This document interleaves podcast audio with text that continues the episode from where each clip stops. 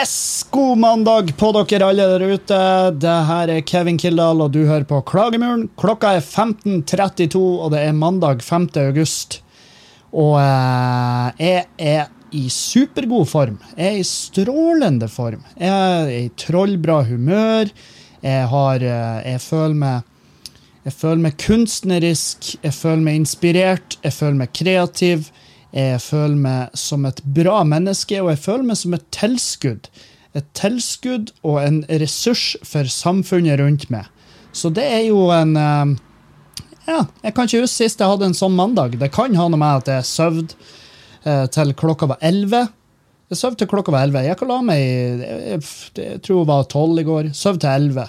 Så det er elleve timer søvn. Og det er ikke lekt Kevin. Vanligvis så legger jeg meg legger meg klokka ti, og så våkner jeg i fire-fem-tida, og så begynner jeg å, å, og swipe på mobilen. Ikke på Tinder, for jeg har kjæreste. Beklager alle damer der ute som tenker at herregud, han skulle vært singel, han er jo bare et catch, han der Kevin. Sjøl om jeg, jeg tror ikke det er jævlig mange som som tenker i de baner. Hvis du gjør det, så er det noe Så må du legge av deg det der eh, det der eh, den greia du har med at du skal bli i lag med et prosjekt. Det er veldig sånn her Gutter, når de leter etter hus de skal kjøpe, så tenker de ofte jeg kjøper et oppussingsprosjekt som jeg kan jobbe med. Noe som kan, så, så med tiden kan bli mitt. eh, Mitt eget, så kan jeg ta folk med rundt og så kan jeg vise dem se her. det her har jeg innredd sjøl. Jeg har retta opp veggene, og jeg har støpt gulvet. og eh, og ja, ikke sant, så stolt som faen så tar de med kompisene og viser de. Og så er jo han ene kompisen han er håndverker, så han har jo selvfølgelig masse spørsmål til hva, hva er det du har gjort her. Og så kommer dere til badet, og han bare ja, jeg la flisene sjøl. Og så spør kompisen din som er håndverker, bare, ja, hvordan gjorde du det med membranet? Var det smøremembran, var det banemembran? Hva er ja, nei, altså, det det er jo flise. Flise Det er jo lagt flise. Ja, ja, men membranet under, hva det, hva det slags type membran? Hvilken produsent? Er det fra Mapei? Er det fra Lipp? Hva er det, Nei, det er jo flisen. De, de er italiensk. Uh, ja, men flise er ikke tett. Vannet går rett gjennom flisen. Det er hele poenget. Ja, neste rom, eh, soverommet. Og sånn er, vi, altså, sånn er veldig mange gutter når de handler seg hus. Det at de tenker at her skal jeg fikse sjøl. Men så har du eh, jentene. De, når de skal fik, uh, ordne seg en kjæreste, så er de veldig ofte ute etter å og så ender de opp med sånn oppussingsobjekt. Og så er det sånn Ja, han uh, Torry, eller han Ronny, eller han Kevin, for eksempel. Han, han er nå litt sånn her Det er noe han, er, ja, må poleres litt. Det er litt sånn å jobbe med der. Han, han, eh, men jeg har fått han stuerein. Han er slutta, og han, går på do og sånn. Så, så veldig mange velger seg prosjekter. Eh, og jeg føler at jeg er et av de prosjektene som Julianne tok på seg. Og så har hun greid å forme meg til et menneske som kildesorterer og er glad i dyr og et uh, litt mindre kjøtt. Jeg, jeg, jeg et ikke, omtrent ikke svin lenger. Hva? Et du ikke svin lenger? Nei, jeg et veldig lite svin. Og det er, jeg savner skinke. Helvete, jeg savner skinke. Mange trodde kanskje at det var bacon jeg savna, og ja, jeg har feila. Jeg har glemt meg av. For eksempel når jeg i helga spiste en burger. Uh, spiste en burger, du, da? Hæ? Jaså, ja. Ja, når jeg spiste en burger, så glemte jeg å si at jeg ikke skulle ha bacon på den. Og jeg trodde sånn helt seriøst at det var bacon jeg kom til å savne mest, men foreløpig så er det skinka. Det er skinka jeg savner mest fordi at jeg Herregud, jeg elsker ostesmørbrød. Å lage med proteinbrød med ost, eh, skinke, litt grønnsaker, hei, hei, og hive det i ovnen, og så bare alt Bare se osten formere seg fra å være deilig ost til å bli en enda deiligere ost. Altså Mark 2-ost, typ. Da, det er morfa ost. Med en gang du har han i ovnen, så er han bare fette deilig når han kommer ut. bobler litt, beveger på seg, og du danser i takt med osten. Bare 'Hei, du, osten, dans med meg, baby.' Og osten danser, du danser, og så hogger du han rett i nebbet, og så kjenner du den nest beste følelsen etter å få en orgasme. Det er når smelta ost treffer eterholdet. Treffer det lille bunnløse jævla tunnelen ned i magesekken din. Da skjønner du at ost er faktisk en stor del av livet. Men av ostesmørbrødene mine så er også skinka den spiller en rolle. Skinka, er, skinka kommer inn som, eh, som en liten Den, den, den akkompagnerer, eller hva det er faen det er slags fint ord jeg leter etter, som jeg ikke mestrer. Men den, den, fullfører osten. Den fullfører osten i et så deilig vis at uh, jeg, jeg savner den. Jeg savner den. Og jeg har snakka med ostesmørbrødene mine når jeg lager de nå, og de er sånn 'Hvor er skinka hen?' Og jeg bare sånn Du skjønner, jeg så en dokumentar, og, uh, og jeg har ikke lyst på skinke etter det. Jeg har lyst på skinke. Gud bedre jeg har lyst på skinke, men jeg har ikke lyst på å kjøpe det her billigskinka på, på Rema fordi at jeg vet at uh, den skinka har på et eller annet tidspunkt blitt slått i hodet med en spade. Og så, Osten skjønner jo ikke en drit, fordi at osten kommer jo fra kyrne. Og kyrne har det jo ikke nødvendigvis noe bedre. Det er bare at det ikke kommet ut en dokumentar om hvor jævlig de har det ennå. Så foreløpig så er de sånn Ja, ja, men vi har det òg kjipt. Vi har det kjipt som faen. Uh, så hvorfor er du oss? Jeg bare, ja, men det, Så prøver jeg å forklare at uh, ja, men det er jo fordi at Jeg har ikke sett en dokumentar om hvor jævlig dere har det. og Jeg vet at det ligger flere av de ute, jeg vil bare ikke se de. Og så er det dokumentarer fra USA, og det er ikke nødvendigvis representativt for hvordan kyr i Norge har det. Så hvis du skjønner, så Foreløpig så kan jeg ete dere, men jeg kan ikke ete skinka fordi at jeg vet ikke 100 hvor jævlig kyr i Norge har det. Og jeg har fått tilsendt linker som jeg har valgt å ikke trykke på. fordi at jeg vil ikke vite hvor jævlig de har det, fordi jeg er så glad i dere. Jeg er så glad i dere, ostene mine. Dere er jo så, dere er så fine og så gode, og dere vokser i munnen min, hvis det er lov å si. Hei, onkel. Og eh, så, ja. Eh, og da Og da eh, sier jo ostesmørbrødet til meg ja, men er ikke du en forpult hykler, da? Uh, og så sier jeg jo, det er men uh, nå skal du inn på 200 grader i 12 minutter, så jeg må nesten be deg om å hold kjeft, og så bare bli om til et nydelig måltid. Og så gjør jeg det, og så eter jeg det med med en liten bismak, fordi, både pga. av skinke og fordi at det er en hykler. Så, så ja, der har du min hverdag. Der har du eh, det. Eh, I helga så har vi hatt julebord i Standup Bodø. Julebord in Standup Bodø. Og, og uh, det var en Det var faen meg en nydelig liten reise. En vi samles et uh, flott gjeng. Jeg er veldig fornøyd med det gjengen vi har i Standup Bodø nå. og jeg er veldig fornøyd med hvordan klubben har bidd og er på tur å bli. Og um, vi trenger flere folk fortsatt. Hvis du bor i Bodø-området og har lyst til å hive deg med, og enten å gjøre standup eller bare være en del av et miljø og hjelpe til i klubben, ta kontakt, send meg en melding, så skal jeg følge dere opp så, så til de grader at uh, enten dere blir med, eller at dere syns det blir ekkelt fordi at jeg følger dere opp for nært. og så og så blir det ikke noe av. Men, men hvem vet? Kanskje det blir ditt, ditt nye lille litt, ditt nye lille gjeng å henge med, og, og, og, du kan åpne det for oss på typ, sånn som på det julebordet i helga, hvor det var flere som åpna seg, og tidvis var det ekkelt, og tidvis var det et fint øyeblikk. Så, så ja, det julebordet, det julebordet var jo akkurat som forventa. Det var uh, fylleri. Jeg var ikke jeg var definitivt ikke verst. Jeg huska alt. For hjem i god tid. Og jeg hadde jo med meg Henning Bang, som var jo en um, som, uh, som uh, Jeg tror han kosa seg veldig. jeg vet ikke hvor mye han kosa seg når jeg heiv han på toget dagen etter. Han skulle ned til Mo i Rana for å møte familien sin der. Skulle de kjøre videre på en bilferie.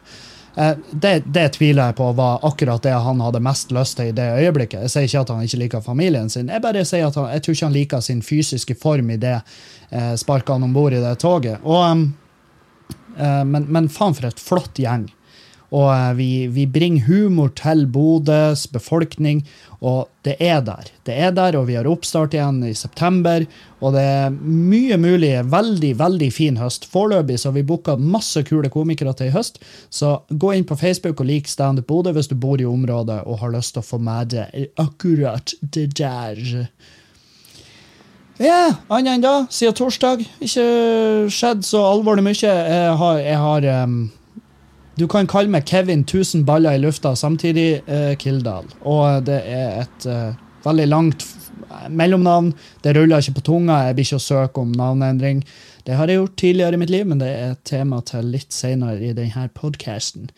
Men uh, jeg vet ikke om Jeg vet jo at det er ikke alle lytterne som hører så hører de co-castene jeg gjør, sånn som så? De lytterne som hører denne podcasten, er ikke nødvendigvis eh, de som hører den podcasten jeg gjorde med Henning i helga, så jeg må bare adressere én ting. Jeg har fått, et, uh, jeg har fått en melding om at uh, jeg prata for mye om at jeg jobba på Bådin i sommer, og, og det tar jeg Jeg må bare si det, jeg tar ikke, jeg tar ikke noe særlig kritikk for det. Fordi at, for det første så er det den podkasten her handler, altså, den handler jo ikke 100 om meg, da, men det er jo spiller inn av meg. Og uh, som en, som en dude som sitter og prater om livet sitt og liv, mine betraktninger om livet rundt meg, og, og jeg prater veldig mye om ting jeg har gjort, og ting jeg er med på i, altså i presens, eller altså i nåtid. Og selvfølgelig må jeg prate om at jeg jobber på bodyen. Selvfølgelig må jeg da. Fordi det er jo det som foregår i ukedagene ofte. Så jeg tar ikke akkurat kritikk på at jeg brukte Og jeg tok tida. Eh, tida. Jeg tok tid der. jeg tok tida, sjø. Jeg, jeg tok tida fra den podkasten på torsdag, fra jeg sa hei, velkommen hit, til at jeg var ferdig å prate om eh, uka mi da på Bodyen, så tok det sju minutter. Og det var sju minutter av en time. sant? Så, så jeg tar eh, Jeg har ikke prata så mye om det. Skjønner? Jeg, jeg vet at jeg nevner det i hver podkast, men det er fordi at som regel så har jeg jobba der i løpet av mellomtida fra sist podkast til den podkasten jeg legger ut da, så prater jeg selvfølgelig om de tingene som har skjedd i mellomtida. Og når de tingene som har skjedd i mellomtida, er 90 at jeg har vært og jobba, så vil jo eh, så, så er det ikke nødvendigvis sånn at jeg prater 90% om at jeg har vært på Bodin. Jeg prater bare i korte trekk hva jeg har gjort, og jeg har kosa meg, og jeg har hatt det artig, og jeg, jeg digga jobben der. Sant? Og selvfølgelig må jeg prate om det. Jeg må jo få lov å prate om hva faen jeg vil. Og så er det jo også sånn der at dere som hører på, har jo en nydelig liten knapp på mobilen deres, eller hva nå en slags eh, medium eh, og device dere bruker til å høre på podkaster, så kan dere jo spole. Hvis det plutselig er inne på et tema som er enten ølbrygging, eller psykisk helse, eller økonomi, eller hva nå enn i faen du egentlig ikke syns er så jævla spennende, så kan du spole i podkasten. Du kan spole fram til du hører at ah, ok, nå er han tilbake og prater om at han eh, prøver seg på Juliane mens hun ligger og sover. Ikke sant? Det er jo en ypperlig måte å gjøre det på. Så kan du skippe gjennom de tingene som ikke virkelig, virkelig ikke Å, helvete. Det der fikk dere med dere. Jeg skal lukke at det er vindvær. Vent litt. Eh, Sånn, ja. Eh, Det, faen, det vindvær. Jeg, jeg beklager, men jeg må ha litt luft inn på rommet her av og til. Og, eh, men nå går det greit. Nå er ikke Juliane hjemme, så da kan jeg ha døra fra kontoret ut i stua åpen. Men i hvert fall. Dere, dere kan jo bare skippe over de delene som angår ting som ikke interesserer dere. Det, det, det er det som er så fint med podkast. Du, du hører ikke på det i real time, du kan skippe når du vil, du kan høre det når du vil. Um, så du har, valgmulighetene er enorme. De, de er fette enorme. Hvis du, hvis du bare har lyst til å høre introlåter, så kan du gjøre det. Du kan gjøre det. Du kan sette på podkasten, og så kan du skru den av med en gang introlåta er over hvis du hater stemmen min. Akkurat sånn som jeg gjør, for jeg hater min egen stemme. Og det var helt forferdelig å, å måtte spille av sin egen podkast og høre hvor lang tid brukte jeg egentlig på å prate om at jeg var brygga på bodyen. Det var, det var tungt for meg å høre på min egen stemme så lenge, men jeg gjorde det for å For jeg, jeg visste at jeg bruker virkelig ikke så lang tid på det. Gjør jeg vel. Og så lytta jeg, og så var jeg sånn «Hm, Det var for kortere enn jeg trodde. Og så skrudde jeg av. fordi at hvis jeg hadde hørt ett minutt til på min egen stemme, så hadde jeg revet ut mitt eget stemmebånd og satt fyr på det.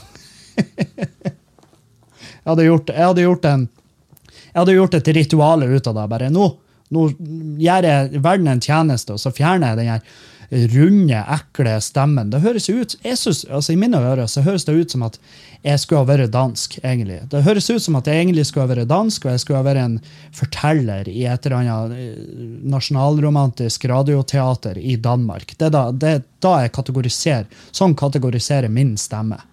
Der har du der. Der har du min stemme. Så ja.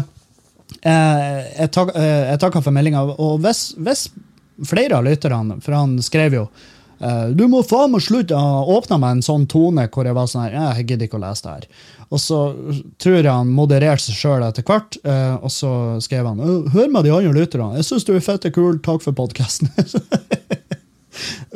jeg digger når folk de bare begynner på topp, og så bare går det ned og ned og ned, og så ut i en sånn 'Tusen takk for podkasten'. Altså, det er jo og så fikk jeg beskjed om hør med de andre lytterne, for jeg lurer på om det er bare meg. Så nå hører jeg jo med dere lytterne. Syns dere det er fette plagsomt å høre hva jeg gjør i ukedagene? Eh, hvis dere gjør det, så må dere gjerne si ifra. For hvis det er sånn, hvis jeg får inn nå 1000 meldinger hvor det sier ja, vi gir faen i hva du gjør i livet ditt, så, så er det supert. fordi at da da vet jeg da, ok, Overtaler og sier at uh, det er faktisk ikke interessant, det er ikke artig å høre på i det hele tatt.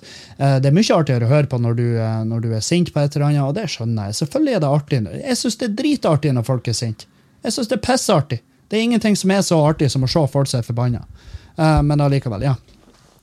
Nei, så i helga, så På fredag så har jo Julianne fri Hun har fri på jobb, så jeg og hun får vi for ned i byen og skulle nyte oss en lunsj i lag. Vi skulle dra på Pangea, den nye plassen i Bodø, men de, hadde, de var litt utsatt med åpninga, så vi fikk ikke muligheten til å dra dit. Men vi dro på Bjørk og satte oss ute på uteserveringa der i lag med måsene. Det er inni helvete med måser der, og de blir ikke kvitt dem. De har lagt ut slanger og jævelskap, og ikke ekte slanger, men sånn gummijævler du kjøper Wish. Um, Fikk oss en uh, liten scare der. Den ene måsen satt på en sånn parasoll som sto rett på sida av bordet vårt. Han satt heldigvis med rævhølet ut, uh, så jeg så, jo, jeg så, jo, rett i nebbet på han. Og, uh, men så hørte vi bare en sånn splettlyd, og da dreit han rett ut og så rett ned på sida av bordet vårt. Og da tenkte jeg fy faen, hadde det vært på med, eller på, eller gud, gud forby, på Julianne, da hadde hele den her koselige, romantiske lille lunsjen vår den vært hor over. Den har vært så ferdig at det har ikke vært muligheter for å beskrive hvor ferdig det har vært. Um, så, men vi spiste en pizza der uh, hver, og det, faen, den pizzaen på Bjørk den er, den er innafor, den. Uh, og så gikk vi ut i glasshuset, og der får jo han der um, Han der Levi.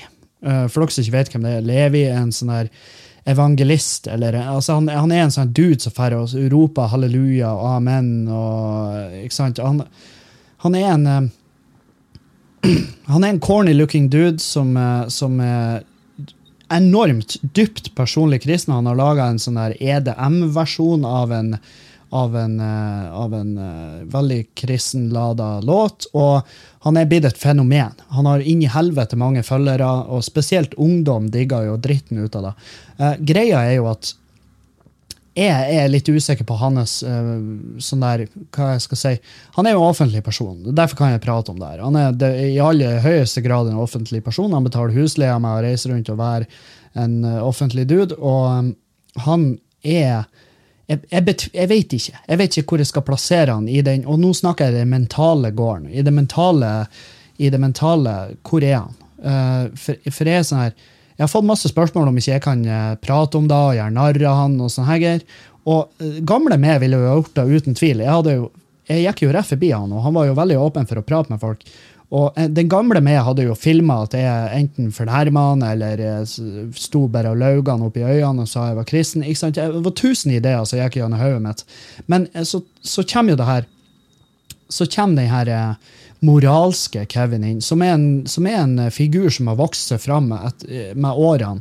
Med årevis med umoralsk oppførsel, med årevis med å være et rent søppelmenneske som ga seg faen i alle mennesker rundt seg og følelser. og og eh, hva som er rett og galt. Eh, så Kevin han eh, tenkte å nei, gå forbi. Ikke ikke, I hvert fall ikke gå offentlig. Ikke spille i en story hvor du gjør narr av han. La nå fyren bare gjøre sin jævla greie. Og det har jo fungert som faen. Og, men sannheten er at jeg, jeg vet faen hvor jeg skal plassere han. Jeg vet ikke hvordan han er rent mentalt. jeg er faen meg usikker på om han er frisk. Og det er ikke fordi at han er kristen. Herregud, Jeg kjenner masse kristne folk uh, som jeg anser som dobbelt så friske som meg, rent uh, mentalt sett. Men, men uh, der er jo en Bare søk deg opp. Han er en eksentriker i best... Altså, i, det, det, kan vi alle være enige om, at han er supereksentrisk. Og at det er jævlig mye. Det er jævlig mye. Jeg blir sliten av å tenke på han. Så, så jævlig mye er det. Og, og det var jo horkleint, for han sto jo og Han sto jo og helbreda en fyr. Det var en ungdom som for og gikk på krykker. Og så sto han og holdt han på foten og ropa halleluja, amen. Og eh, folk rundt ropa halleluja, amen. Og jeg var sånn Jesus fucking Christ, hva det er slags shitshow, det her? Og så slapp han taket, og så sa han 'slipp krykkene dine'. Slipp krykkene dine! Og han der ungdommen var sånn Nei, nei takk, eh, det blir litt dumt. Og så eh, eh, prøvde han å sette fra seg krykkene, og det var jo no dice. Det var jo ingenting som hadde skjedd med foten. Og, eh, og det ble et kleint øyeblikk, for da hadde jo jeg lyst til å rope bare, Hva er det du gjorde feil? Kan Er det 4G-en som blander seg inn og så bare ødelegger det signalet? Hva er det som feiler? Er, hvordan kan dette ikke fungere? Det er jo med et mysterium hvordan du ikke kurert hva nå enn han gutten har i foten. Uh, men det er jo mest sannsynlig et beinbrudd som er på tur å gro, så det er kanskje litt dumt å fære hive krykkene fordi at en eller gærning holder på foten og roper amen. Så, um, så nei, han, uh, Men det var masse ungdom der som er engasjert.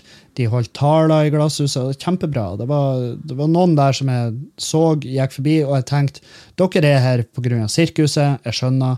Bare prøv å ikke gjøre for mye narr. Og så er det også de som var der av ekte grunner. At de er dypt personlig kristen og ser på han uh, Levi som en dude eh, som virkelig skjønner de og når ut til ungdommen og er, er den type fyr. Så da, da er det bra. Det funka det funka, og det er et, uh, definitivt et samlingssted for, for ungdommen, tydeligvis. Og ja, jeg vet bare at jeg vet, jeg, vet, ikke hvor jeg har han. Jeg, har, jeg hadde ikke stola på han. Jeg hadde ikke tatt han med inn i huset mitt.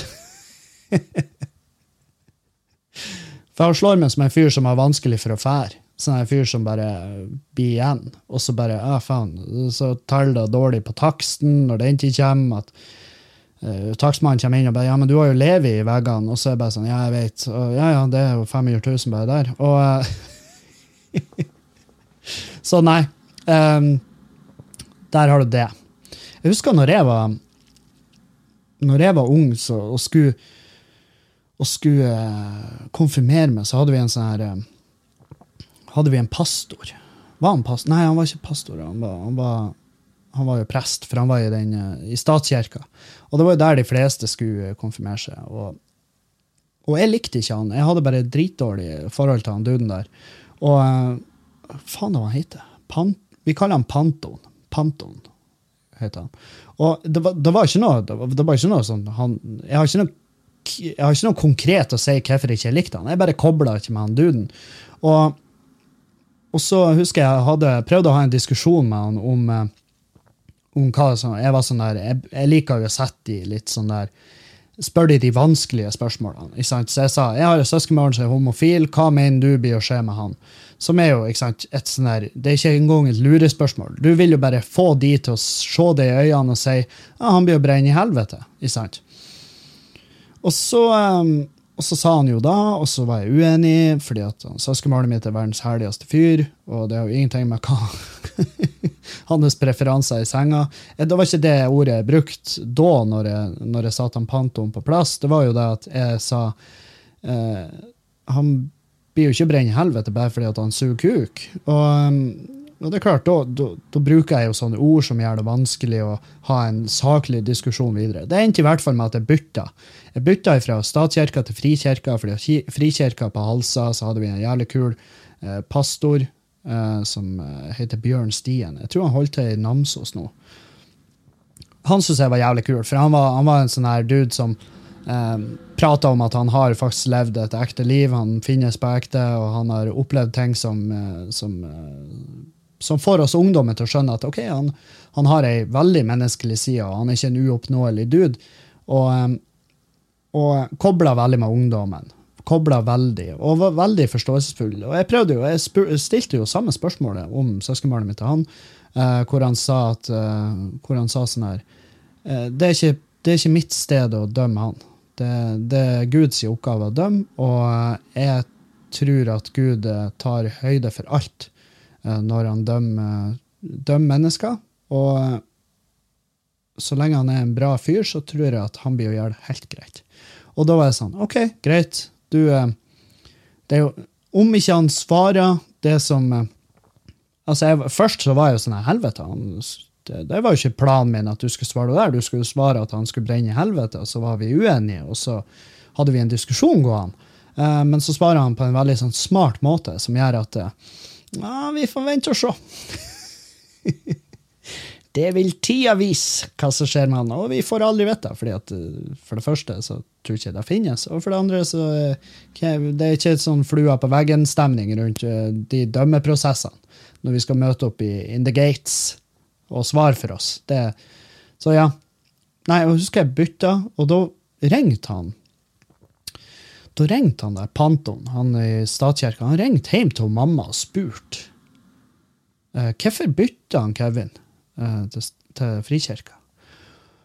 Og da, hun mamma eh, Mamma eh, Jeg vet faen. Hun hadde en greie hvor hun av og til bare var altfor ærlig.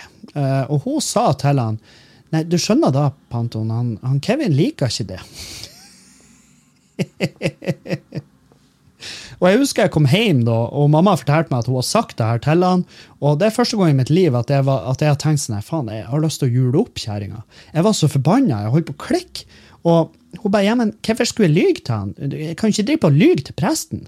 Og jo, det kan du. Du kan lyge til presten. Det er en hvit løgn.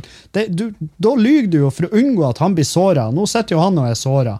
Og jeg tror ikke han var såra, han var sint. Han var bitter. Han, han likte ikke meg fra det tidspunktet. Og jeg husker vi skulle på sånn her han, eh, vi skulle på konfirmasjonstur.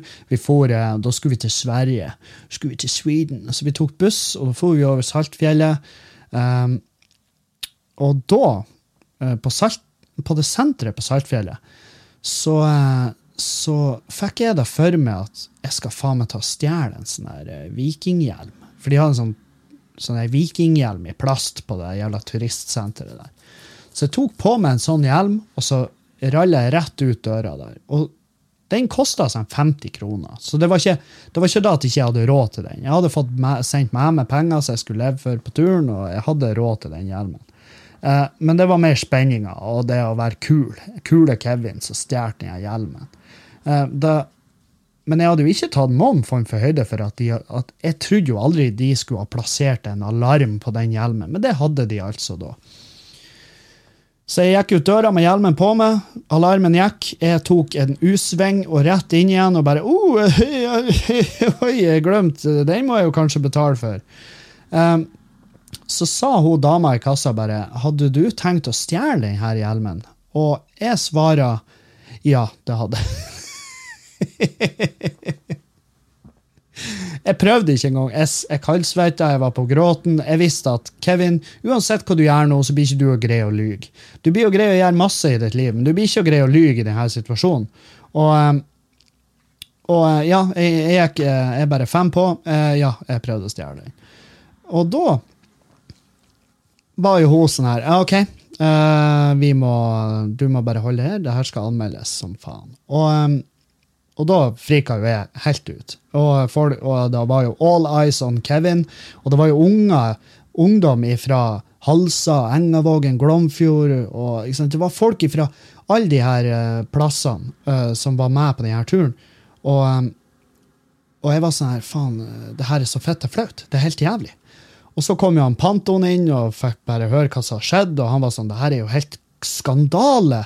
Det her er helt krise! Og, og han var sånn her Du blir igjen her, du blir sendt hjem, du skal ikke være med på den turen her. Og jeg begynte jo å skrike, og det var jo helt det var, det var jo, Livet mitt gikk i grus der og da. Og så kom han eh, kom han pastor Bjørn inn, og han bare 'Hva er det som har skjedd?' Og så forteller vi hva som har skjedd.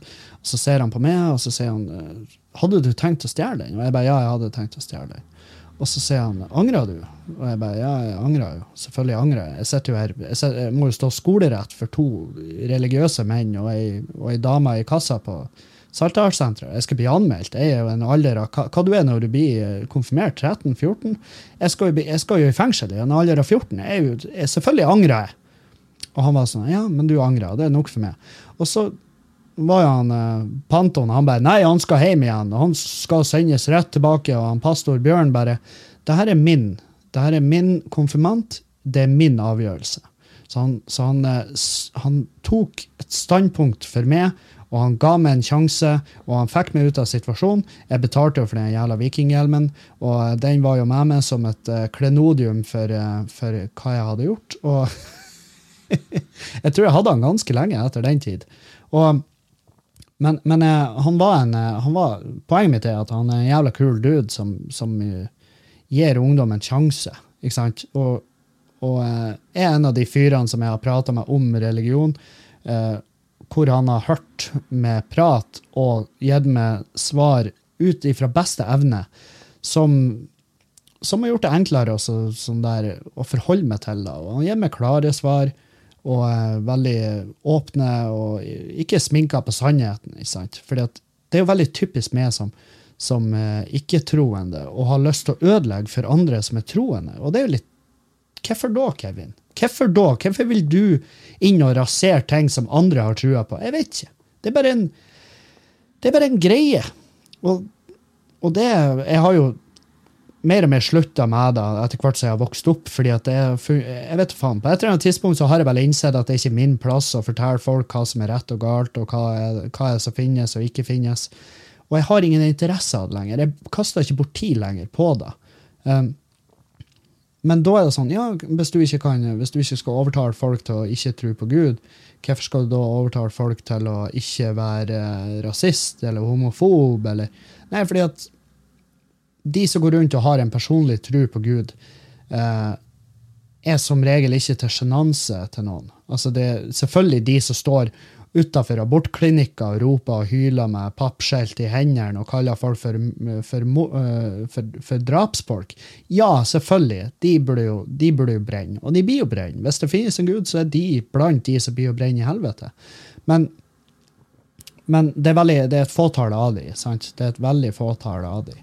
Og når de er eh, kristne, så går det som regel ikke utover andre. Men i det sekundet du er rasist eller homofob og er utøvende type at du eh, ja, altså, Du har jo folk som er rasister i sitt eget uh, sinn, og de sier ikke det til andre. Ja, ja, Da får du brenne inne med den følelsen. Og da gjør du ingen skade heller. Så det er sånn, ja, ja. Du, du, så lenge du ikke er i en posisjon der du kan forskjellsbehandle folk. Det er det som er. Med en gang du begynner å forskjellsbehandle, og hva enn du tror på eller tenker, med en gang du begynner å forskjellsbehandle folk for det, så så burde du, så burde du ta et oppgjør med deg sjøl, for eh, da, da, går det ikke lenger utover bare det. Hva nå enn du sitter inne med. sant? Og det, det, kan vel overføres til absolutt alt. Absolutt alt i hele verden. Hva nå enn du sitter inne med av verdier og sånn her. Uh, med en gang det begynner å gå ut over andre, at du forskjellsbehandler folk på bakgrunn av det, så er det sånn, da må du, ta, da må du i hvert fall vite at det er 100 riktig, det du står for.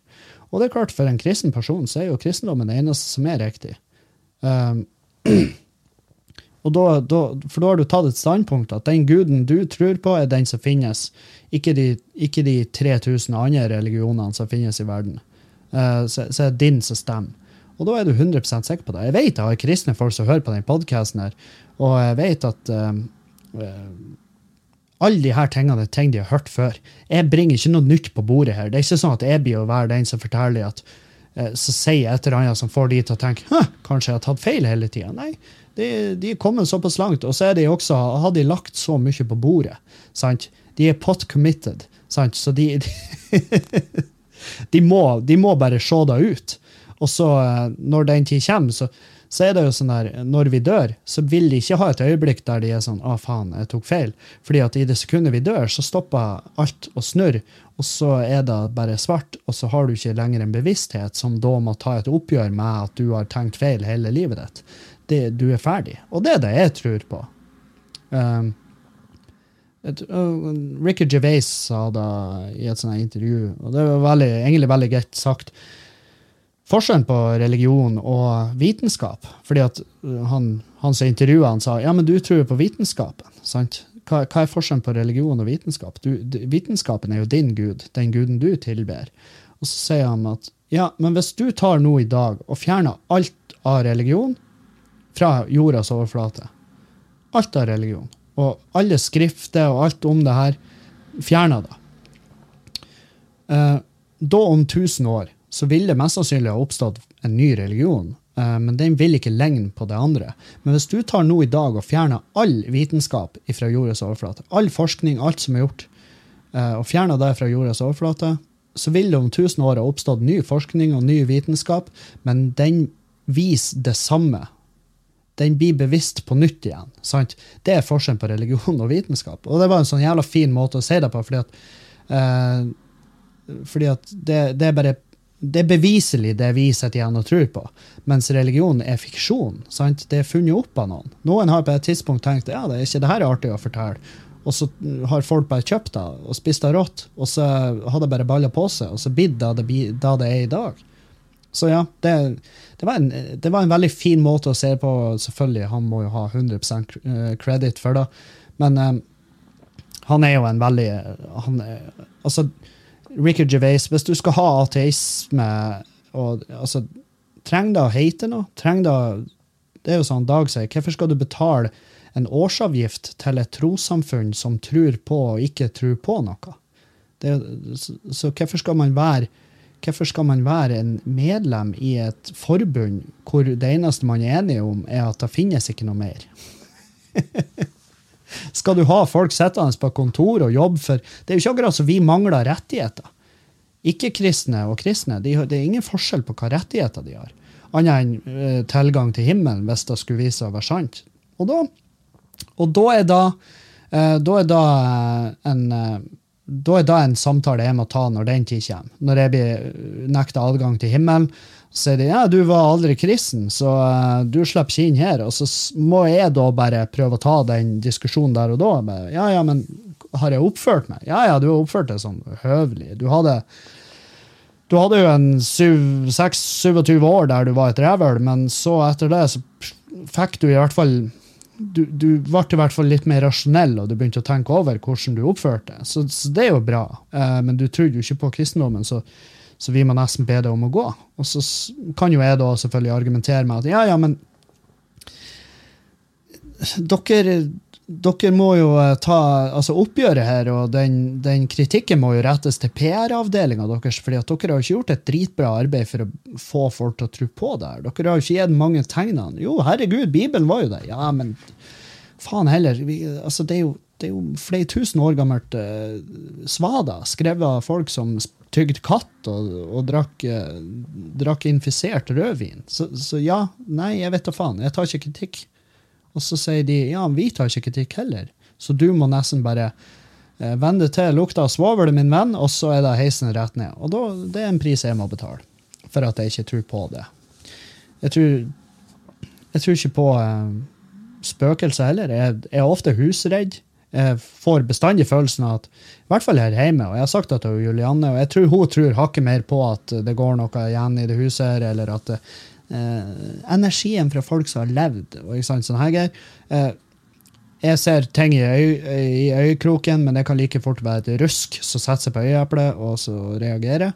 Men sant, jeg tror ikke på spøkelser, fordi, og dette er et spørsmål jeg ofte får fra lyttere. Jeg tror ikke på det fordi at eh, det burde ha vært bevisst nå.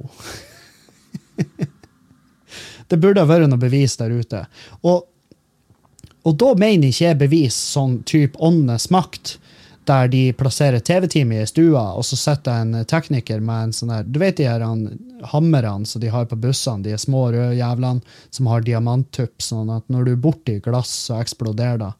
Eh, for det var jo det de gjorde. De hadde et gjeng, et team, uh, inne og filma i stua, og så var det en tekniker da som kakka et sånt glassbord, sånn at da knustes midt i en sånn seanse, og så var de sånn Herregud, det her er jo sinnssykt! Men det er jo klart det er jo sinnssykt fordi at folk tror på at det der er ekte. Uh, det er jo det som er sinnssykt med det. Så vi, så, så vi har gjort uh, great suksess med å bare få folk til å tro på ting som ikke er bevisst. Og hadde det der vært ekte, hadde det øyeblikket vært ekte, og det er sånn jeg vet 100 uh, at det ikke er ekte. Hadde det vært ekte, så hadde det vært en sinnssyk sensasjon. Og for det andre så har det TV-teamet der har vært De har vært uh, hjemme hos uh, tanta mi på Halsa. Der har vi hatt besøk av Åndenes makt. Hvis du er flink å google, så kan du sikkert finne den episoden igjen. Og jeg var bare en snartur innom der, og det er kanskje det kleineste jeg har vært med på. Så eh, hvis du hørte her først, beklager. Hvis du er dritfan av Åndenes makt, det er ren svada. Det er ren fettskitt, det er ren bullshit. Det er fra første sekund til de drar derifra, så er det ren jævla svada. Um, så vet du, da. Du, du, kan umulig ha tenkt tanken første gang nå når jeg sa det. Men jeg tenker sånn her Så mange som driver på jakter etter bevis på det, med alt av, alt av det vitenskapen har gitt oss av materiell for å kunne bevise ting og tang, så er det ingen som har bevisst noe ennå, og det ville vært en massiv sensasjon hvis de hadde bevisst det. Det samme med, det samme med liv eh, Altså eh, liv utafor vår verden, altså aliens, utenomjordiske sivilisasjoner. Jeg tror, jeg, jeg, det tror jeg på, fordi at matematikken støtter opp under det. At det er veldig rart hvis vi er alene. Men de er ikke, eh, de er ikke avansert nok den dag i dag. Eh, fordi at hadde de vært da, så hadde vi visst av det. Da hadde de vært her. Vi hadde vært en rasteplass på den intergalaktiske hovedveien. De hadde stoppa her av og til for å ete oss, eller hva nå enn i helvete, på sin videre ferd. De, hvis de hadde vært så avanserte at de hadde kommet seg til jorda, så tror jeg vi hadde vært borte nå. Vært, for, dem, for, dem, hadde vi vært insekter. Enorme, ekle, fettete insekter som for og gikk rundt her og knulla og rapa og kriga og herja. Og de hadde vært sånn Jesus, for et gjeng med søppelfolk. Vi dreper de. Så ja. Um, det, det ville vært bevis på, på, et spøkelse til nå. Og så er det jo problemet er jo også det her hvor jeg, fordi at Mange blir jo nå å sende meg linker. bare, ja, 'Se denne videoen. He. Hva du har å si til da?' Jeg, bare, jeg vet faen. Det, den, ligger, den, ligger, ikke på noen andre sider enn på YouTube, så det er litt vanskelig å kalle det for et bevis når det kan være alt fra en filmsekvens Det er jo veldig mange som har sendt meg klipp av uh, liksom ufoer og sagt til meg 'Ja, det her, hva, hva har du å si til det her?' Så bare, ja, men Det er jo faen meg, det er jo et klipp rett ut av en film. Det der er jo fra Science. Det, det er et klipp fra Science hvor Mel Gibson spiller. Så ja, hva jeg skal si til da? Det var en OK film. Jeg husker vi så den på kinoens dag da jeg gikk i tiende klasse. That, that's it. Det er da jeg har å si til klippet du har sendt meg. Så jeg vet faen. Uh, men, men, ja, gjerne send meg Gjerne send meg ting og tang som jeg kan se på, og så kan jeg fortelle at eh, jeg tror ikke på det. en skeptiker er en skeptiker så inn i helvete. Og jeg har lyst, jeg har jo egentlig lyst, uh, når det er sånn der han når det er sånn medium, der verdenskjente medium som selger ut fuckings Bodø Spektrum, og folk drar dit i håp om å få kontakt med sine, sine kjære, og så leser de de, og så er de jævlig flinke å plukke opp på ting, og så sier de ting som gir mening, og så sier de ting som er så jævla generelt at selvfølgelig gir det mening. Og bare, ja, mor di, hun, eh, hun, eh, var, hun var glad i det. Herregud, du vet så mye! Ja, nei, sjansen er enorm. For hvis mor di hadde hata det, og hun hadde vært død, så hadde neppe du vært her nå for å få kontakt med henne. Eh, med mindre du skulle få kontakt med henne for å fortelle henne at du syns hun er et fetthull. Og da hadde du sagt det i introen din, så da hadde liksom det hadde, vi, har på en måte helgardert oss litt. Noen vil påstå at vi har helgardert oss. Så, så ja, jeg har jo uten tvil hatt lyst til å fære dit bare for å fucke med dem. Men samtidig, hva er det jeg da gjør? Jo, jeg tar ifra håpet til alle de andre i salen der. Uh, jeg, lager dårlig stemning. Det blir jo som å dra på et kom sant? Da blir den fyren jeg hater mest. Det blir som å kjøpe seg billetter til et standup-show med en komiker du syns er drit, bare for å ødelegge showet. sant? Det er folk som gjør det. Det er folk som gjør det.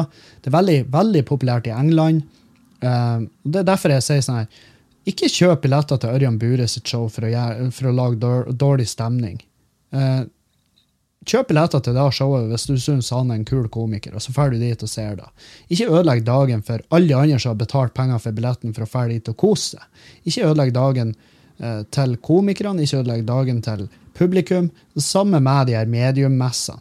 La nå folk ha det lille håpet der. Fordi at gudene vet hva du gjør med de menneskene som du tar ifra det lille håpet de har.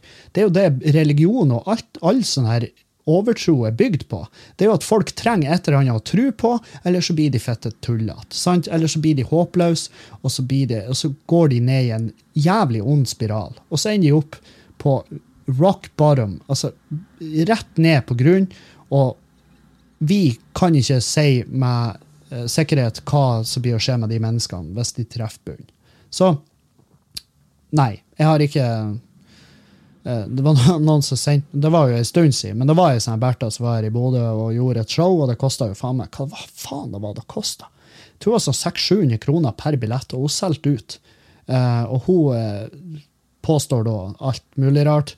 Og at hun får kontakt med døde folk og bla, bla, og faens oldemor. Og jeg tenker sånn mm, Nei, det er bullshit. Jeg har sett masse videoer på nett, og det er jo faen meg i beste fall det flaueste jeg har sett. Og, eh, og jeg fikk spørsmålet da ja, skal du kjøpe billetter og dra dit og terrorbombe det jævla showet der. Nei, det skal jeg ikke. Jeg skal holde meg hjemme. Jeg skal ete, jeg skal spare pengene mine. skal henge med Julianne, jeg skal kule han på sofaen, ta det chill, ha det rolig, ha en fin kveld, se en film. jeg vet da faen. Alt annet, alt de, Alle de tingene jeg har mer lyst til enn å være på det showet. Jeg har jo mer lyst til å se om jeg får plass til en kråkebolle under forhuden min enn å fære på det showet der. sant? Det, jeg hadde fått mer ut av det. Jeg hadde kunnet da sagt hei, i forskningens navn, det er faktisk plass til en kråkebolle ut, under en gjennomsnittlig forhud. Og da vil jeg jeg vet faen, Av 10 000 forskere så er det en av de som har sagt takk, det, det her er faktisk aktuelt. vi har lenge jobba med hvordan vi skal oppbevare uh, kråkeboller i fremtida, og da er jo forhuden din en ypperlig plass. Så ja, jeg vet faen. Uh, jeg, og det kan hende det er bare noe som er kommet med alder, eller som har kommet med at jeg er blitt gradvis et mer et mer eh, forståelsesfullt, et mer eh, sympatisk menneske. At jeg har fått bare Eller bare at jeg er blitt lat. Hvem vet? Hvorfor vil ikke jeg ut og fucke opp lenger? Jeg vet faen. Jeg, jeg bare, kanskje jeg er blitt kjedelig. Kanskje jeg er blitt en gammel dude. Gammel krok som får trører. Nå er jeg bare sånn her er ha, jeg må bare ha en hage nå, så jeg kan henge ut vinduet og, og jage på ungene som går gjennom der. Det er bare spørsmål om tid før jeg går ut og kjefter på folk som går forbi her for å komme seg ned til pizzabakeren. Det er bare spørsmål om tid. Jeg vet faen. Eh, Jeg har fått, eh, fått spørsmål om eh, hva er din største anger fra barndommen? Og da er jeg sånn, wow.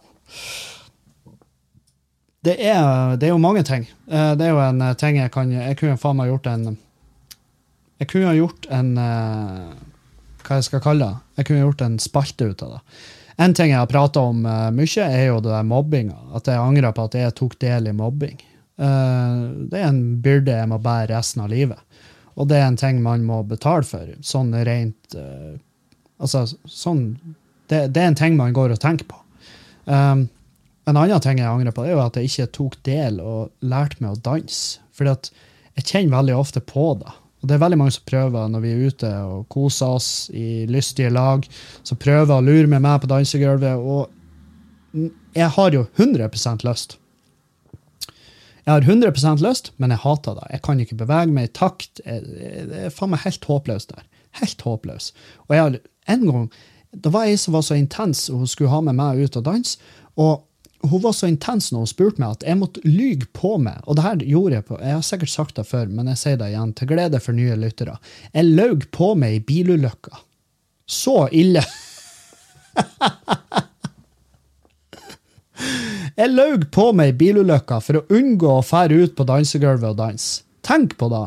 Dæven, hvor jævla fucked up er da at jeg løy og sa at jeg har vært i heftig bilulykke og jeg klarer ikke å bevege meg. Sånn. Jeg får vondt i hoftebeinet, eh, jeg har noe greier i det ene kneet. Eh, Det, det er faktisk farlig for meg. Det ødela for rehabiliteringa mi. Og hun ble sånn herregud. Og så satte hun seg ned og ville prate om bilulykka mi, som aldri har skjedd, hva gjør Kevin da? Jo, det er jo for seint. Det er jo altfor seint å si «Eh, du vet jo, jeg kødder, jeg hadde bare ikke lyst til å danse. Idioten Kevin hadde sagt at han har vært i masse bilulykker som gjorde at han ikke kunne danse, jo, da måtte jeg jo bare fortsette. Og det her mennesket kjenner jeg den dag i dag, så hun fer jo rundt og tror at jeg har vært i bilulykker. Hvis du hører på podkasten min, jeg har ikke vært i så heftig bilulykke at jeg ikke kan danse. Jeg bare kan ikke danse. Det er det som er problemet. Jeg kan ikke danse. Jeg skulle ha lært meg det, jeg skulle ønske jeg hadde lært meg det, men jeg kan ikke. Jeg danser ikke, jeg knepser og går sidelengs, og det er det eneste jeg gjør. Men jeg skulle ønske jeg kunne det, men samtidig, jeg hadde ikke møtt Juliane hvis jeg kunne danse. Hvis jeg kunne danse, så hadde ikke jeg møtt Juliane. Så der har du den. Kanskje, kanskje det var meninga at jeg ikke skulle lære meg å danse. Kanskje det var butterfly-effekten som var skjebnen bare sa nei, han kan ikke danse, for da blir han aldri å møte Julianne, og så blir ikke de i lag, og så bor de i lag, og så, og så har jeg ødelagt skjebnen til Kevin bare fordi han lærte seg å danse. Så jeg vet faen. Men nei. Jeg skulle, av og til skulle ønske jeg kunne danse. Men jeg er veldig fornøyd med å være veskepasser. Jeg er veldig fornøyd med det. Jeg gjør meg ingenting. Sitter i, i båsen og chill med en gin tonic eller ei øl eller hva nå enn i helvete vi drikker den kvelden, og så passer jeg vesken mens jentene er ute og, og svinger stjerten på gulvet, og jeg ser guttene som går opp til Julianne og vrir seg i takt med og bare 'Hei, baby', og jeg sitter der og tenker 'Ja, kos deg. Kos deg, mann. Det er jeg som blir å dra hjem i lag med henne' det er da, I sånne situasjoner er jeg jævlig glad for at jeg ikke er sjalu. For hadde jeg vært en sjalu dude, så hadde sånne øyeblikk ødelagt meg. Hvis det er da en fyr som er flink å danse og går opp til Juliane. Selvfølgelig danser hun med han. For, at, for det første, hun vet at jeg stoler på henne. For det andre, hun er sykt Hun er en gud på å flørte. Hun er dritflink å flørte. Og hun blir aldri å slutte med det. fordi at jeg har gitt henne beskjed om at du får ikke lov å slutte å være flørtete. fordi at i det sekundet du slutter å flørte, så så sier du til deg sjøl og til verden at det er ferdig. og eh, flørting er en kjempenaturlig del av hverdagen til mennesker, og det må, jeg syns aldri man skal slutte med det. Så ja, men eh, jeg skulle ønske jeg lærte meg å danse. En annen ting er, faen, jeg, og det er jævlig flaut å tenke tilbake på Jeg vet ikke om jeg har prata om det her, men når jeg var ung, så endret jeg navnet mitt for å til heder for en figur som han For en karakter som han Morten Ramm hadde. Tenk på det. Jeg var så fan. Uh, Morten Ramm hadde en figur som heter Kun Rå. Kun Rå heter han. Og jeg endra navnet mitt. Og det, det, her må jo ha skjedd etter jeg var 18. sant? Fordi at det er da du får lov å endre ditt navn. Men jeg endra navnet mitt til Kevin Kun Rå Kildahl. Uh, så jævla harry var jeg. Jeg var så harry. Jeg var så harry når jeg bodde på Halsa. Og på den tida, jeg husker jeg, jeg kjørte rundt i en Volvo. Volvo 740 eh, med bakhjulstrekk. Og eh, jeg hadde tatt opp forbrukslån for å bygge stereoanlegg i den. Jeg hadde en 18-tommers Digital Design pub, eh, sub i den eh, som sparka noe inn i helvete. Jeg hadde ene bakruta sprengtes, så jeg satte inn sånn dørkaluminium i vindvann. Jeg gikk rundt, jeg hadde svartlakkert den med en bengalakk. Jeg hadde laga to gule fartsstriper, som viperstriper, over bilen. Jeg hadde fjerna tanklokket, sittet inn i sånn gummifetta i tanken. Sittet inn i sånn gummifette. En sånn, por, sånn portapussy. Flashlight. Sto i tanklokket. Turistene syntes det var fette kul, så når du måtte fylle, så måtte du gjennom den fetta der. Jeg tror vi har sett det i Tomme tønner eller en film, sånn Stig Frode Henriksen-film av noe slag. Og, og, jeg heter Kevin Kunrå Kildahl. Kevin Kunrå Kildahl. Jeg gikk i joggebukse og blazer. Den type fyr var jeg. Den ty jeg hadde hjelmstropp, skjegg. Dere vet sånn syltynt skjegg som går uh, perfekt på kjevelinja. Jeg hadde fittekost. Um, og jeg var, jeg var, så, jeg var så harry at jeg fatta ikke hvordan jeg greide og Hvordan jeg hadde et aktivt sexliv. Jeg skjønner det ikke. Jeg, jeg, til dags dato det er med et massivt mysterium hvordan jeg kunne tiltrekke meg mennesker av det motsatte kjønn. Jeg, jeg skjønner det rett og slett ikke. Til, til, dels skjønner jeg det faktisk ikke den dag i dag, men i dag så blender jeg i hvert fall litt mer inn. Jeg er litt mer kameleon i dag enn jeg var på den tida. For da var jeg sånn her Ja, jeg skal faen meg være min egen herre, og så bare på meg 740-en, spille pendulum, sånn at jeg kjørte forbi butikker, og eierne av butikkene kom ut og hytta med neven fordi at varer datt ut av hylla. Så mye bass var det. Er det rart jeg har tinnitus? Nei, det er ikke rart. Og eh, Jeg endra navn til kun Rå. Og jeg møtte Morten Ramm i Trondheim når jeg jobba Jeg hadde flytta til Trondheim, og da jobba jeg på Paradise, som var en sånn her, han, eh, sånn her eh, Litt mer sånn amerikansk stil rockebar, res, burgerrestaurant, som var i samme bygg som Brukbar var på den tida. Og, og da var jeg husvert. Eller sånn, ja, jeg var sånn ja, husvert kaller jeg det. Det er sånn vakt som er i inhouse uh, i sivile klær. Som bare sørger for at folk har det greit og god stemning. Og så tilkaller jeg de uniformerte vaktene hvis det er noe. Sjekker legg og litt sånn der. Og da møtte jeg Morten Ramm, og det jeg gjorde da, var at jeg gikk bort til han, og så viste han førerkortet mitt, og så sa jeg 'se her'. Og han så på det, og så sa jeg 'det her gjorde jeg fordi at jeg digga figuren din'. Han kunne rå. Og han tok bilde av den og la den ut på Twitter, og det var faen meg tidenes beste øyeblikk for meg, helt til jeg innså at han hadde lagt ut uh, fødsels- og personnummeret mitt.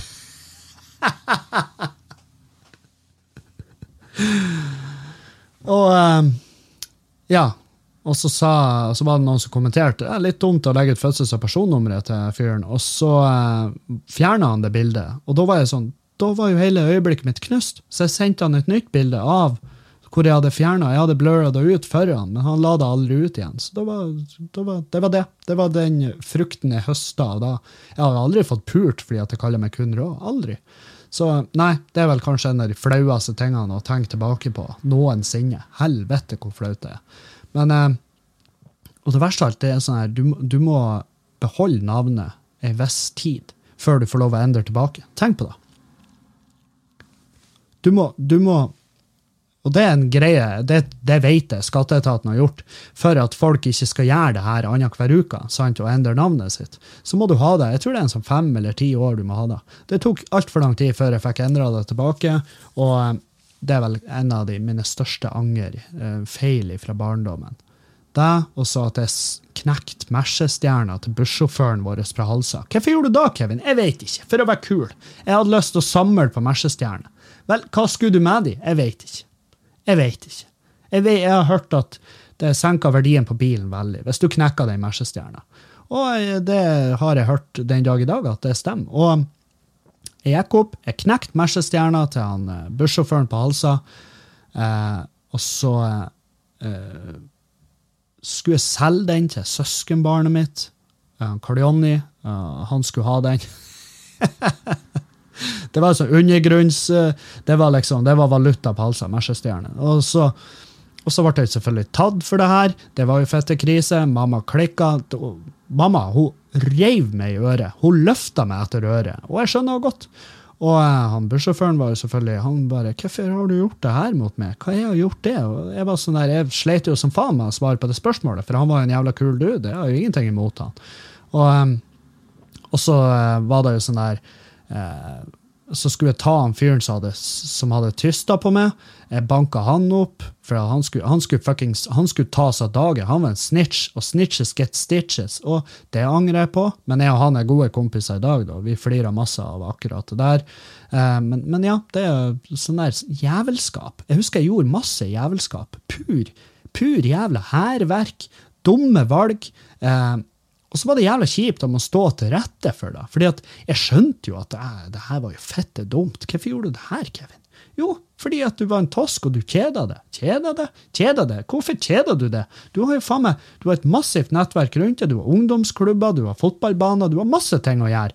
Masse ting å gjøre som ikke er å rasere ting. Men jeg, eh, vet faen. Kanskje det var oppmerksomhet? Nei. Jeg fikk masse oppmerksomhet. Masse.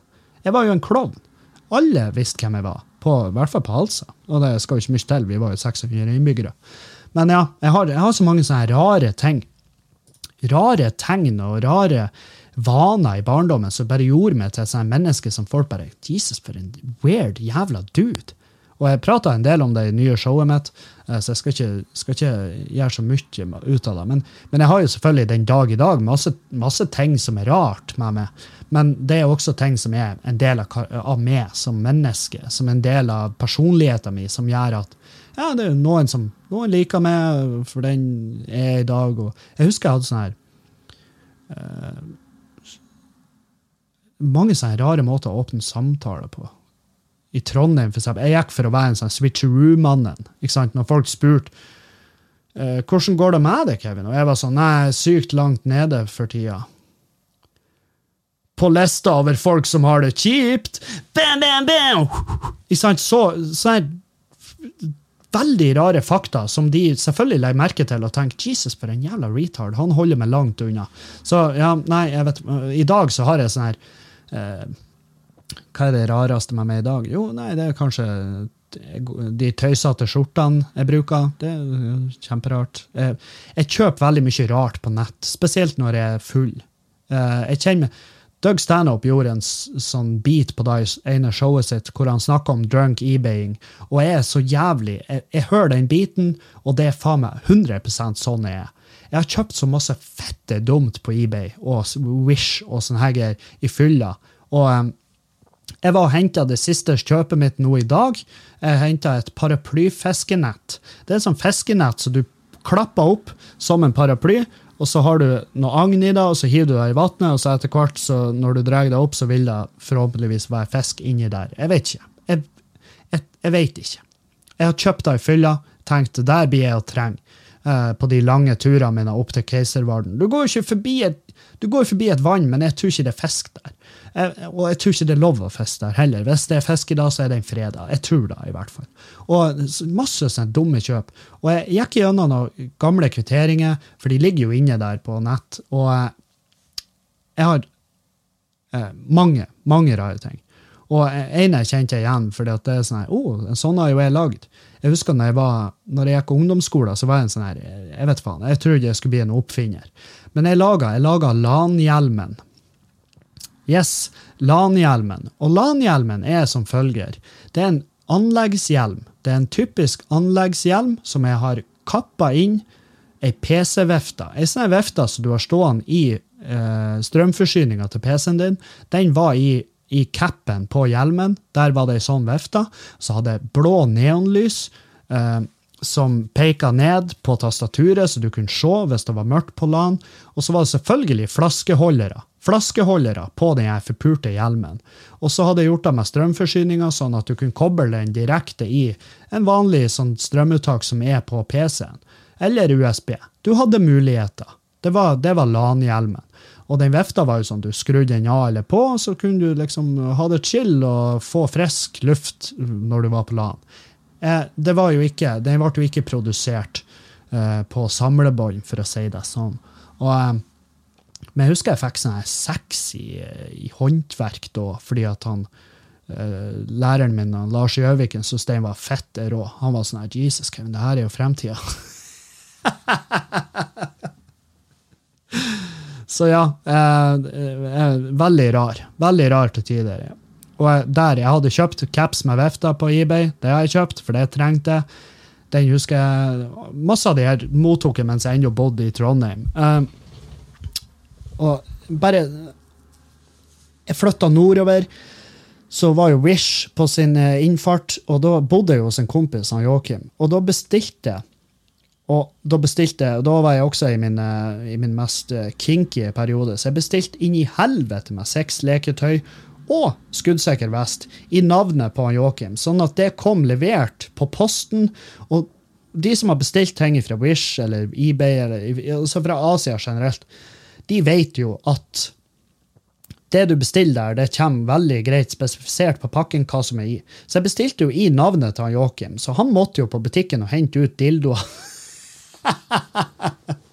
Så sto veldig greit beskrevet i, i, på pakken hva det var som var i. Og folk der i butikken de må jo ha tenkt helvete, for en jævla psykopat.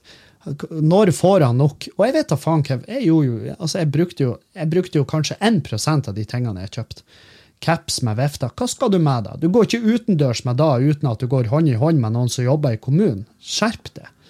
Jeg, jeg kjøpte meg fjernkontrollpute mens jeg bodde i Trondheim. Hva i svarte faen skulle jeg med den?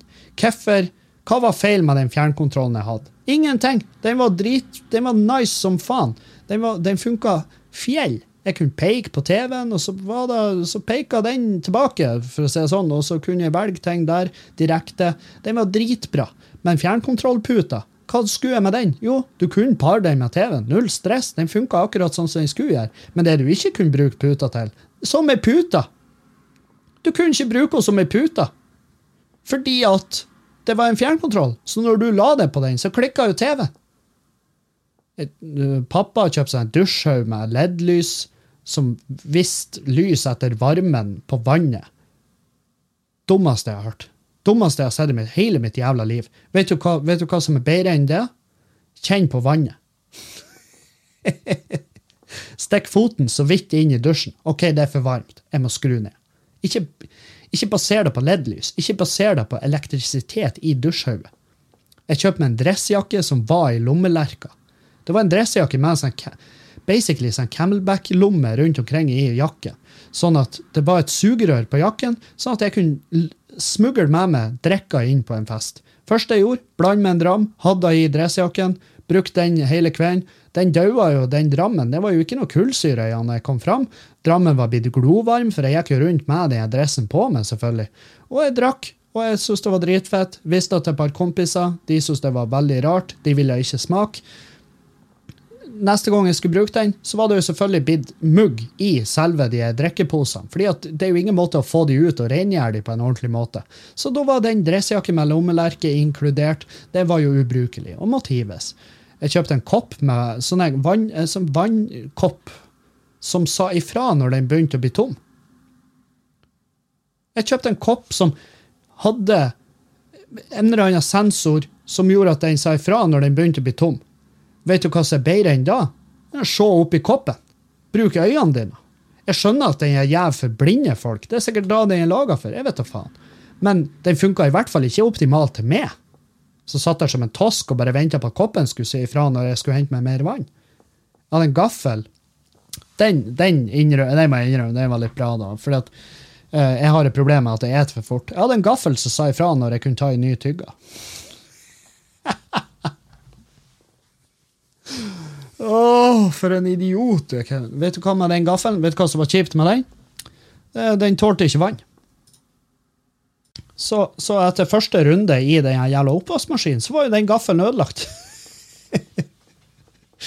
men det har vært kjekk å ha det i dag, jeg vet, men jeg skal prøve å spare meg. Jeg skal prøve å ikke bestille den på nett igjen. For jeg tror ikke Julianne hadde digga hvis jeg satt med en sånn elektrisk gaffel som, eh, som eh, laga en pipelyd når jeg kunne ta med en ny tygge. Men jeg skjønner, jeg skjønner bruksområdet til den. fordi det er veldig typisk tjukke folk at de spiser for fort. De spiser for fort, de nyter ikke maten, de tygger ikke maten. Så den gaffelen var laga for overvektige drittsekker sånn som meg, som åt for fort og bare slukte maten uten å tygge. Så ja, den ser jeg nøtta i. Ah, fy faen. Ja, nei. Um, jeg har fått et spørsmål Eller det er vel ikke et spørsmål, det er vel heller en uh, kritikk. Bare, Hei, Kevin. Vanligvis er podkasten en del av arbeidsdagen min på mandag og på torsdag. Hva faen skjer? Du legger deg ut så seint på dagene. Jo, det er jo stort sett fordi at jeg er opptatt på de dagene, og så må jeg spille inn senere på dagen. Uh, men jeg har en løsning til, til, det, min gode mann. Eller jeg har to løsninger. Uh, løsning én. Du kan vente ei uke med å høre podkasten, sånn at det ligger da podkaster klar, så du kan høre på, hvis du hører mandagens podkast på, på torsdag, så blir det som en torsdagens podkast. Skjønner?